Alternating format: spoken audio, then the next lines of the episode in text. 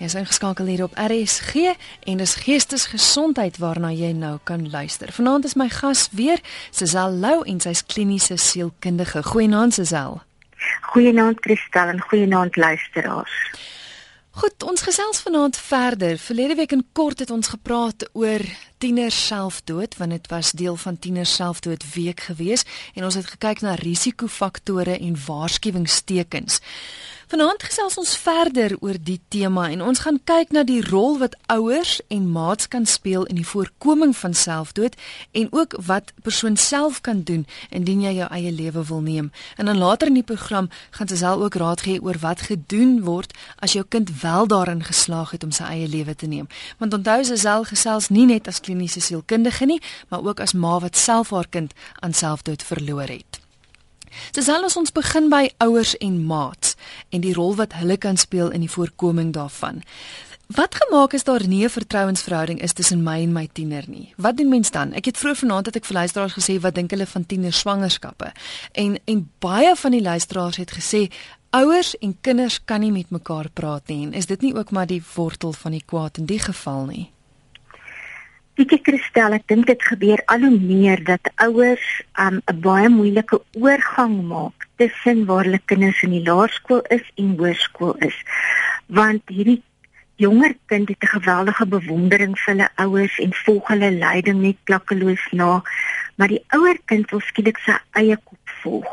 En dan begin daar friksie te kom tussen die ouer en die kind en dit raak al hoe moeiliker vir hulle om met mekaar te kommunikeer en op die ou en kan hulle vreemdelinge raak vir mekaar. En dan kan die situasie ontstaan dat die vertrouensverhouding tussen hulle heeltemal skibreek lê. Die Engels het 'n uitdrukking, it takes a village to raise a kid. En dit is so waar. Um in ons samelewing is ons eintlik op 'n pad waar ons elkeen ons eie gesinnetjie grootmaak en um dit kan soveel stemming op 'n gesin bring want daar is nie ander mense wat ook vir ouers 'n bietjie kan instaan wanneer um dit woes begin gaan in 'n gesin en ouers voel maar weet jy ek het nou nie meer kontak met my kind nie. En daarom is dit verskriklik belangrik dat uh, mens vir jou kind mentors moet kry. Mense wat op verskillende vlakke by jou tiener betrokke kan wees byvoorbeeld saam met hom kan sport doen of kuier of oor dieper dinge kan gesels. Maar as jy wel 'n opening kry na jou tiener toe en dis nie onmoontlik die kristal is die verhouding bietjie versuur of baie versuur selfs um, moet jy 'n kans soek om te kan iets sê soos ek kan sien jy kry swaar omdat ek en omdat ek vir jou lief is, pla dit my. Jy is welkom om met my te praat, maar as jy nie wil nie, sal ek jou help om iemand te soek in wie jy vertroue het en wat jou kan help. En al voel jy 'n probleem of dit te groot is om te oorkom, sal ons 'n manier vind om by 'n oplossing uit te kom. Want wie sê daar was tieners vir wie 'n navorser gevra het um net voordat jy die poging aangewend het. Uh wat het deur jou kop gegaan? En baie van die tieners het gesê as daar net iemand was wat met wie kon praat en dat ek die gevoel kon kry dat selfs die kleinste liggie aan die einde van die tonnel. Tjoh. Kan mens met jou tiener so openlik praat deur as as jy weet dat hy wil dalk oorweeg om om sy eie lewe te neem, kan jy vra vra soos het jy al daaraan gedink, het jy al beplan hoe jy dit gaan doen, waar gaan jy dit doen? Kan mens sulke vrae vra? Ek dink mens kan baie openlik daaroor praat, Christel, maar mens sal natuurlik eers met 'n vraag begin soos is die lewe nog vir jou die moeite werd? En as die kind dan sê nee, dit is nie, dan kan jou volgende vraag wees, dink jy aan selfdood? En dan as die kind sê ja, dan kan jy vra het jy al praktiese planne gemaak hoe jy dit wil doen, waar jy dit wil doen, wanneer jy dit wil doen. En dan kan jy bepaal in hoe mate hierdie kind al prakties gedink het want dit gaan bepaal hoe ernstig hierdie gedagtes by die kind is. Hmm. Sesal nog 'n groot probleem wat wat ek dink moontlik 'n groot probleem is. Die feit dat dat mense nie regtig praat nie. Daar daar's 'n mate van geheimhouding en mense probeer so voorgee vir ander mense dat dat alles dat alles oukei okay gaan en dat ons goed is. Is dit nie ook 'n groot probleem nie? Kristel is eintlik so ironies. Jy weet dat 'n mens dink jy kan dinge so geheim hou en toehou dat dit nie goed gaan in 'n gesin nie, maar tussen weet baie mense dit al reeds. So dit het nie baie sin om 'n beeld van perfeksie na buite toe uit te hou nie. Want 'n mens lei in stilte tot almal se nadeel, want 'n mens is bang wat ander mense sal dink. En dit plaas geweldige stres op almal en dit verhoog natuurlik ook die selfdieetrisiko. Um tieners sê ook baie keer vir 'n mens, my probleme is 'n skande in die familie. Die feit dat ek my eie lewe al probeer neem het, is 'n skande. Ek is 'n skande. Is dan die uiteindelike gevolgtrekking dat daai kind 'n geweldige stigma in homself laat beleef. En mens moet eerder dalk fokus om te praat oor die oplossing van probleme en konflik van weet jy Christel dis dis een van die goed wat hulle gevind het wat die grootste probleem onder tieners is is dat hulle nie probleme en konflik kan oplos nie. Ek het gelees dat die grootste risiko is is 90 tot 100 dae na 'n vorige poging. En nou kyk ons spesifiek na na 'n tiener wat al probeer het om sy eie lewe te neem. Hoekom is daai daar spesifiek 'n groot risiko en en en 'n ja, 'n groot risiko? Ehm um, weet jy Christel, mense hardloop in alle rigtings nadat 'n tiener ehm um, sy eie lewe probeer neem het en hy gered is, dan wil almal help. En vir omtrent 3 maande is almal ehm um, aktief besig om in hierdie tiener se lewe in te bou. Maar na omtrent 3 maande, dan begin mense weer besig te raak met hulle eie lewens. En dan is dit asof dit skielik um, by die by die tieners, as die Engels sal sê, the penny drop dat sy probleme is nog daar en mense is nie meer daar om hom daarmee te help nie. En dan begin hy te dink maar dit is vir hom nie meer die moeite werd om te lewe nie want hy hy begin dink maar um hierdie patroon gaan net aan mekaar herhaal. Mense help hom en dan onttrek hulle net weer. So die groot geheim is dat mens aanhou omgee en aanhou betrokke wees nog baie lank daarna. Dis reg. Eintlik veral in ons samelewing is dit baie belangrik dat mense regtig betrokke is by mekaar, mm. nie net vir 'n sekere tydperk nie, maar dat so 'n tiener by 'n vaste netwerk ingeskakel is waar hy voel hy word onvoorwaardelik aanvaar, mense is lief vir hom net soos wat hy is. Hier's reeds 'n paar SMS'e wat deurgekom het. Ek wil hê ons moet net gaan met die laaste twee punte klaarmaak van hoe ouers en maats 'n rol kan speel in die voorkoming van selfdood. Verwyder alle wapens uit jou huis en erf. Moet mens dit doen? Mens moet dit verseker doen vir alles jy um tiener self dit risiko is. Um daar moet veral geen gewere op jou erf wees nie. En as as jy dit enigstens het, moet dit in 'n kluis wees waarvan die sleutel baie baie goed weggesteek is. Maar daar's gevind dat um huise wat wel gewere het, is die die risiko vir selfdood is baie groter. So ek sou mense aanraai dit liewer glad nie in hulle huis te hê nie toue, pille, tuinslange en swembadpype en gevaarlike kombuistoerusting so skerp messe. Dit moet jy en dit klink amper onrealisties, maar 'n mens moet dit so ver as moontlik uit jou huis uit verwyder. Ek het in die notas wat jy vir my gestuur het, het jy ook gesê dat in Suid-Afrika is die algemeenste metode van selfdood dat mense hulle self hang. Ja, dit is skynbaar so volgens die statistiek. Ja.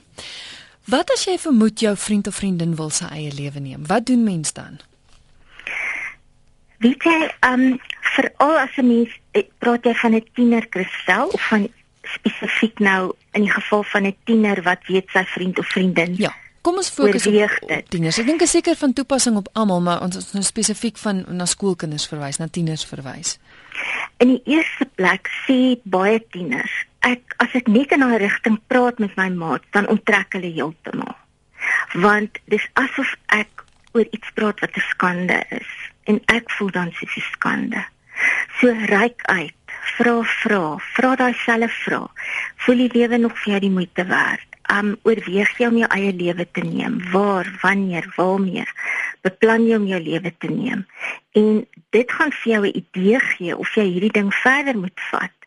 Nou wat gewoonlik die krisis is, is so maat sê meeste van die tyd beloof my jy gaan vir niemand sê nie. En dan sit hierdie kind in 'n verskriklike konflik in homself want hy weet aan die een kant hy kan nie stil bly nie, maar aan die ander kant het hy daai belofte gemaak. Mm. En wat ek dan altyd vir so tieners sou sê is dat um dink net hoe gaan jy voel as daai kind sy lewe neem en jy die geheim bewaar? Dis 'n dodelike geheim daardie. So kinders moet praat daaroor. Hulle moet met iemand gaan praat wat hulle kan vertrou.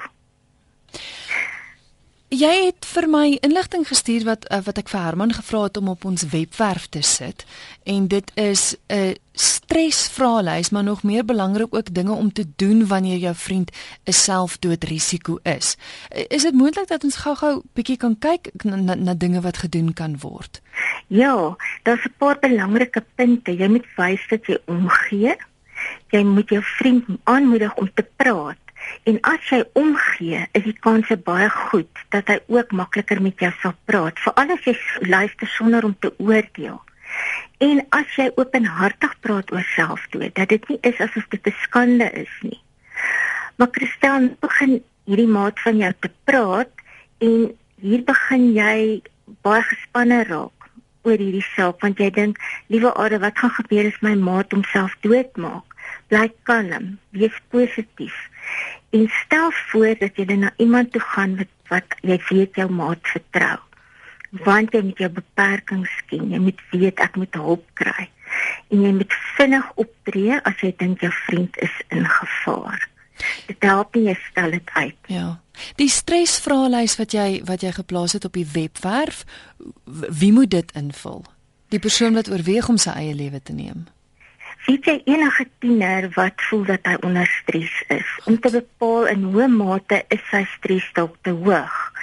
Want die eerste 20 vrae is die um die of die eerste 20 stres situasies wat geskep is, is gewoonlik die situasies wat die hoogste stres skep. Ek verstaan. En as 'n mens wil wat van daardie um situasies gemerk het dat dit in jou lewe teenwoordig is, is jy waarskynlik onder hoë stres. 'n Ouer kan ook daarna gaan kyk en sy sal waarskynlik of hy sal min of meer weet watter van daai situasies is van toepassing op sy kind maar natuurlik nie alles nie want 'n kind het baie keer geheime. Ehm um, maar dit kan ook vir 'n ouer 'n idee gee van um, hoeveel stres sy kind onder is. So gemaak asseblief 'n draai op ons webwerf om daardie stresvraelys te kry en uh, ja, druk dit sommer uit en gee dit dan ook vir jou tiener om in te vul. Dit is op www.rsg.co.za, dis onder programme Geestesgesondheid en daar sal jy die stresvraelys kry asook die dinge om te doen wanneer jou vriend 'n selfdoodrisiko is en dinge wat jy nie moet doen nie. Voor ons verder gaan gesels is al hier 'n SMS wat deurgekom het van 'n luisteraar wat sê My skoondogter se broer se vriendin het Sondag aand selfdood gepleeg terwyl hy 'n vriend by die lughawe gaan haal het. Sy het hom gesê dat sy pille gedrink het en hy het na 3 hospitale gejaag, steeds met haar gepraat en by die los, by die laaste hospitaal was dit te laat. Hoe troos mens om selfverwyd weg te neem? Hy's absoluut gebroke. Jo, dis 'n baie groot vraag, Christel want um, ek dink enige iemand wat al deur so iets is sal vir ons kan sê dat selfverwyte die grootste ding is waarmee mens worstel na so iets. Mm.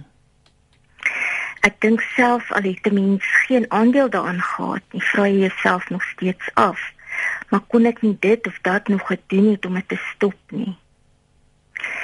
Ek dink jy moet nie dol wees vir hom en jy moet by hom sit dat hy praat en praat en praat en jy moet hom um vir hom sorg as mens sorg. Sorg dat hy eet.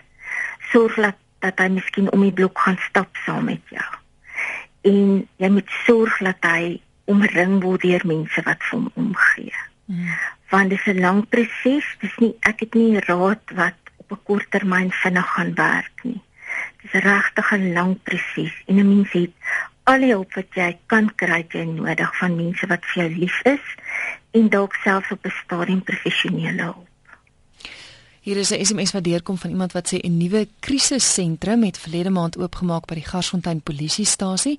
Vrywilligers beman die sentrum. Kontak gerus die sentrum vir meer besonderhede by 012 770 7700. Dis sommer 'n lekker maklike nommer ook.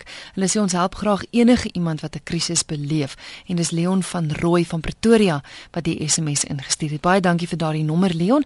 Dis dan die Garsfontein polisiestasie wat 'n krisissentrum het en dis 012 770 7700. Kry so lank pen en papier gereed. Aan die einde van die program gaan ek nog telefoonnommers gee wat jy kan skakel. Hier is nog 'n luisteraar wat sê, ek wil net sê met my man se selfdood 'n paar jaar gelede was al drie my kinders tieners en dit het hul ook van binne laat sterf sowel as vir my hul ma. Dis erg. Dis Marlene Smith wat die SMS ingestuur het. En ja, ons gaan juis ook later praat oor die invloed wat dit het op die mense wat agterbly, né? Ja, ek dink veral wanneer kinders nog jonk is, wanneer hulle nog op skool is, is dit vir hulle baie moeilik om te verwoord hoe hulle voel. So hulle is geneig om te weier om enige hulp te kry. Hmm. En dan op 'n stadium as hulle ouer is, dan eers besef hulle eintlik um hoe hulle voel en dat hulle bereid is om iemand te gaan sien of daaroor te praat.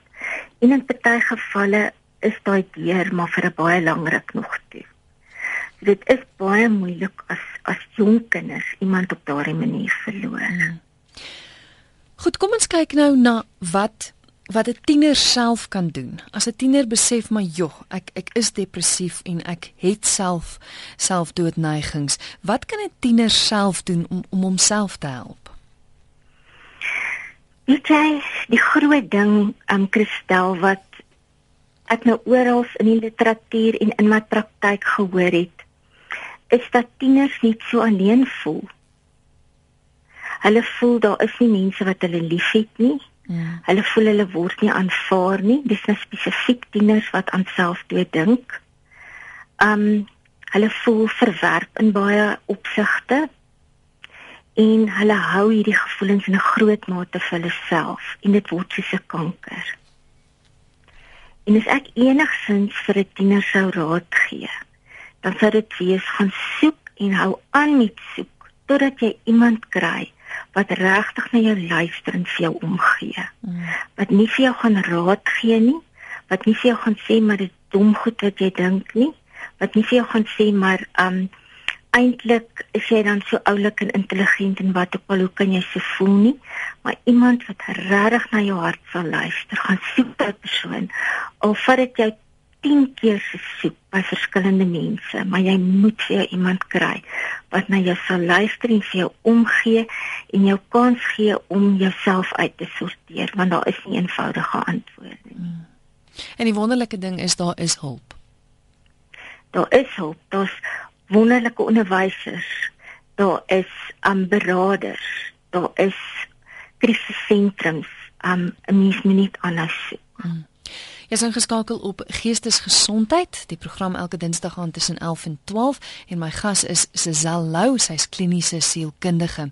Sesel anoniem het nou 'n e-pos gestuur wat ek graag met jou wil deel met die deel en met die luisteraars ook wat um Ons praat nou spesifiek oor tieners selfdood, maar ek dink dit is eintlik van toepassing op almal. Hy sê ek is 'n 24-jarige man, ek wou selfmoord pleeg.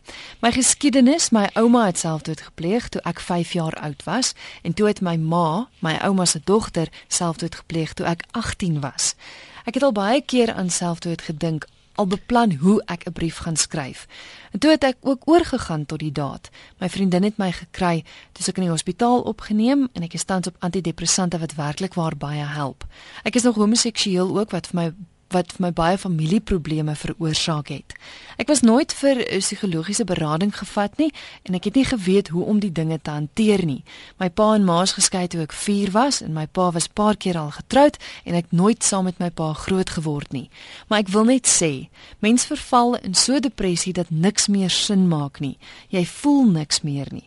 Vir my het dit gehelp om die godsdienstkaart te speel nie, maar ek het nou 'n sielkundige en 'n psigiater wat my baie help en ek beveel dit sterk aan om mense te gaan sien as jy depressief is. Soos ek verstaan, is dit 'n siekte.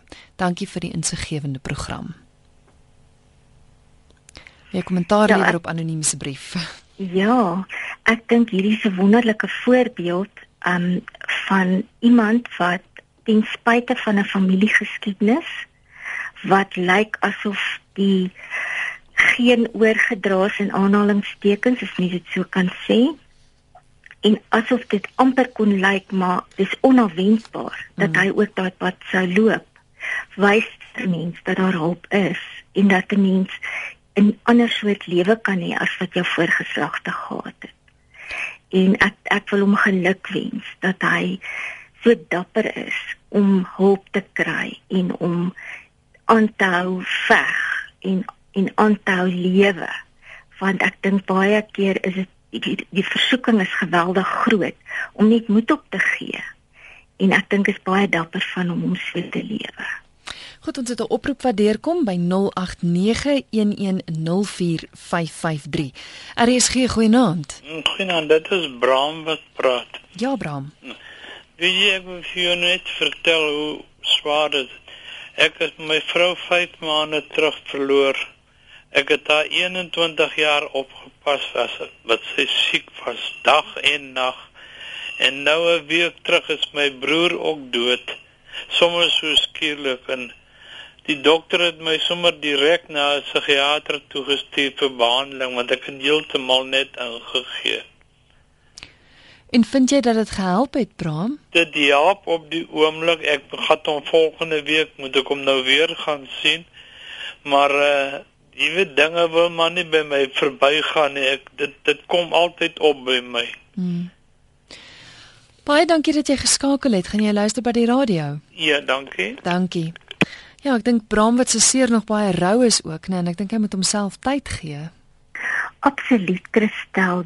Um, ek dink baie keer verwag ons dat 'n rouproses moet korter wees as wat dit in werklikheid is. En um ek kan nou uit persoonlike ervaring praat dat toe ek my seun verloor het, ons ons seun verloor het, um was dit die eerste keer wat ek 'n baie groot rouproses gehad het in my lewe. So dit het amper gevoel asof ek nie die spiere gehad het om hierdie geveg te veg nie. Hmm. En 'n mens het net nie die vaardighede gehad, jy het akademiese vaardighede, maar sterk emosionele vaardighede was daar net nie. En 'n mens leer dit terwyl jy die pad stap. En dit neem tyd en elke dag is baie dae se bietjie beter, ander dae se weer slegter. En ek wil net vir jou sê, jy moet vasbyt. Um daar kom 'n dag wat 'n mens dink, weet jy, nou gaan dit regtig met my beter en dat jy jou kop weer kan optel. En miskien die volgende dag dink jy maar, jene, nou is ek weer terug waar ek was. Maar dit is maar so dat dit op en af gaan.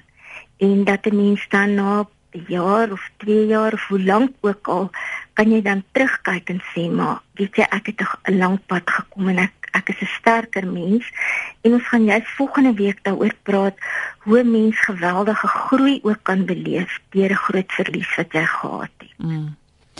Ek wil hê ons moet gou 'n bietjie kyk na na die hulp vir die wat agterbly na selfdood. Jy het nou gesê dis die pad wat jy gestap het, maar het jy raad aan ander ouers wat wat ook die pad moet stap? Ehm um, weet jy Christel, ek dink ek sal bietjie arrogant wees as ek sê ek het al die raad of ek het baie raad want ek besef net ehm um, elke mens van sy eie pad op die ou einde. Maar ek het 'n paar goed wat ek vind nie net vir myself werk nie, maar ook vir mense wat my, my in my praktyk kom sien. En een daarvan is dat 'n mens 'n um, joernaal moet begin hou. Ek weet baie mense sê vir my, weet jy, ek is nie graag, ek sien iemand wat graag skryf nie. Um en dan tog begin sulke mense na ruk skryf en hulle vind baie middag uit. So kry jy jou net sommer 'n gewone boekie waarin jy elke dag 'n paragraaf of 'n bladsy skryf. En jy skryf sommer net wat jy daai dag gevoel het. Um die emosies wat jy voel, die dinge wat jy beleef, um die dinge waaroor jy dalk kwaad is. Mense is dikwels kwaad oor wat gebeur het of die skuldgevoelens wat jy ervaar of die hartseer wat jy ervaar of goeie goed wat daai dag gebeur. Um tussen hakies die navorsing wat gedoen is oor journaling, soos hulle dit in Engels noem, is dat mense wat dit getrou doen, is baie minder dikwels siek. En 'n mens kan nou as jy gaan kyk na ander navorsing wat daarop dui as jy iemand verloor het aan die dood, het jy 'n baie groter kans om siek te word. So jy kan daai fisiese aspek kan jy teewerk deur gereeld jou emosies te ventileer in jou joernaal. Te skryf hoe jy voel, dit uit jou stelsel te kry dat dit jou nie siek maak nie. En ek vind dat mense wat dit doen, vorder baie vinniger in hulle terapie as mense wat hulle emosies onderdruk. Hmm. Sosal is nou 'n SMS wat deurkom van 'n luisteraar wat sê kan jy asseblief 'n program maak oor volwasse selfdood. Maar ek dink dit waaroor ons die afgelope 2 weke gepraat het, is baie daarvan nie ook van toepassing op op ouer persone nie. Het hulle nie ook maar iemand nodig om mee te praat nie? Het het sy nie ook nodig om met haar man te gaan sit en gesels nie? Verskil dit baie van van tieners teenoor volwassenes? Ek weet daar is tog verskille Christel. Ek dink nie so dramaties nie, maar daar is verskille. Ek dink tieners is oor die algemeen geneig om 'n laer selfbeeld te hê, om baie onseker te wees van hulle self, nie te weet waar pas hulle in nie. Um tieners voel baie keer asof hulle geïsoleer is. Hulle tieners sê ook baie keer, maar daar is niemand na wie toe ek kan gaan nie.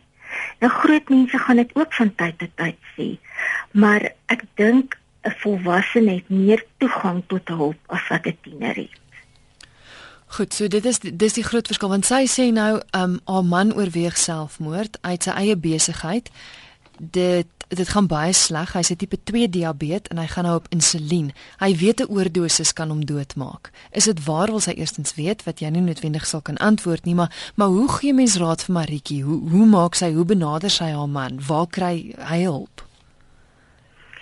Ehm, um, weet jy, dit is nou 'n groot vraag, 'n moeilike vraag, want as 'n mens vra hoe benader jy 'n persoon, hang dit baie af van hoe daardie persoon self is.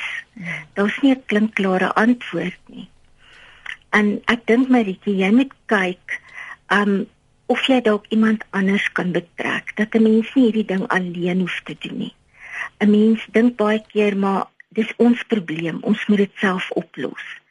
Maar dis deel van ons huidige samelewing en dit is deel van um iets wat wat ons half siek maak in ons samelewing is dat ons dinge so alleen moet doen.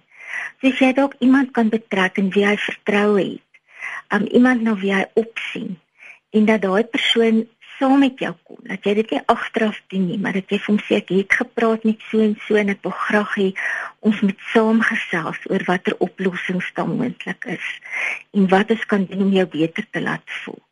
Want alleen kan 'n mens so ding nie hanteer. Dan nog 'n SMS wat deurkom. Ek het as jong meisie 'n paar keer probeer selfmoord pleeg en ek sou vir niemand vooraf sê nie as hulle sou vra nie. Ek dink nie ek is uniek in die verband nie, dis anoniem. Hoe gemaak as jy 'n tiener kry wat wat so sy sê net glad nie daaroor praat nie en vir niemand sal sê nie hoe, hoe hanteer mens so 'n tiener en hoe help jy so 'n tiener? Ja, dis 'n tommeletjie want ek dink daar is heelwat tieners wat nie sou praat nie omdat die stigma so groot is. Ja. En dan moet jy mens na die tekens oplet, na die waarskuwingstekens waaroor ons laas keer gepraat het en dit is op die um, webwerf. Um daai waarskuwingstekens is baie belangrik.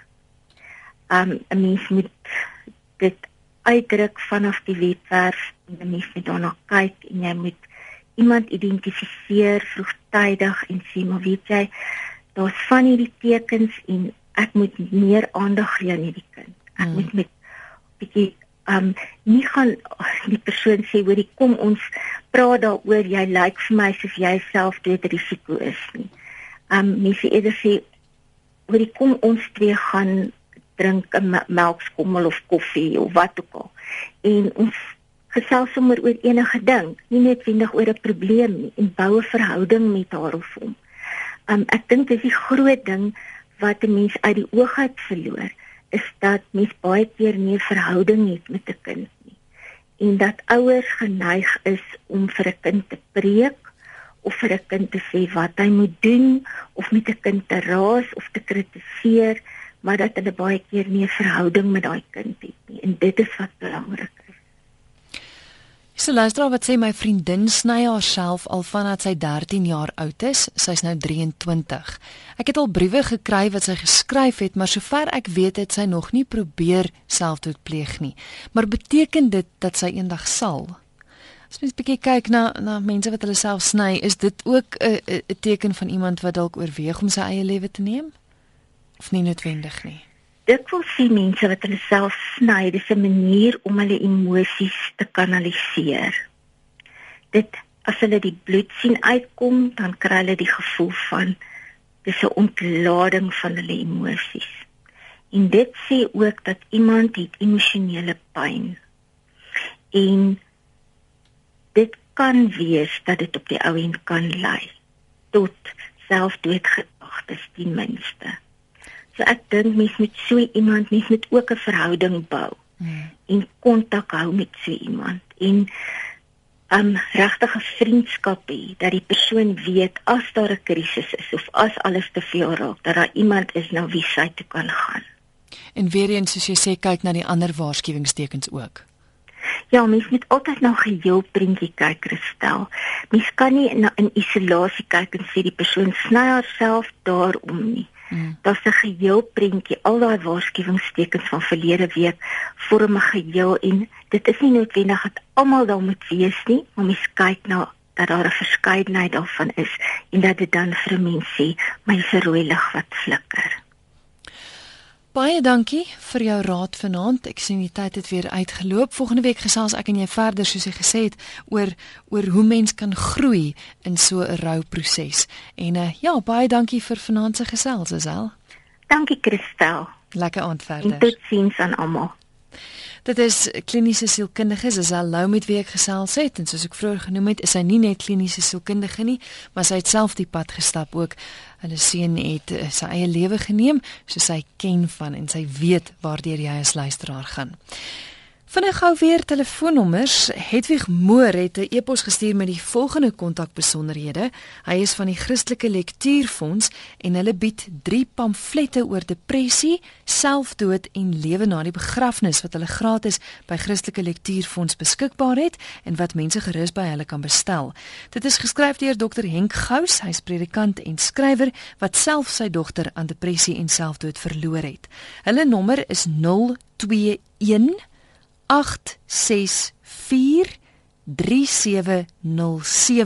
of jy kan die webwerf www.clf.co.za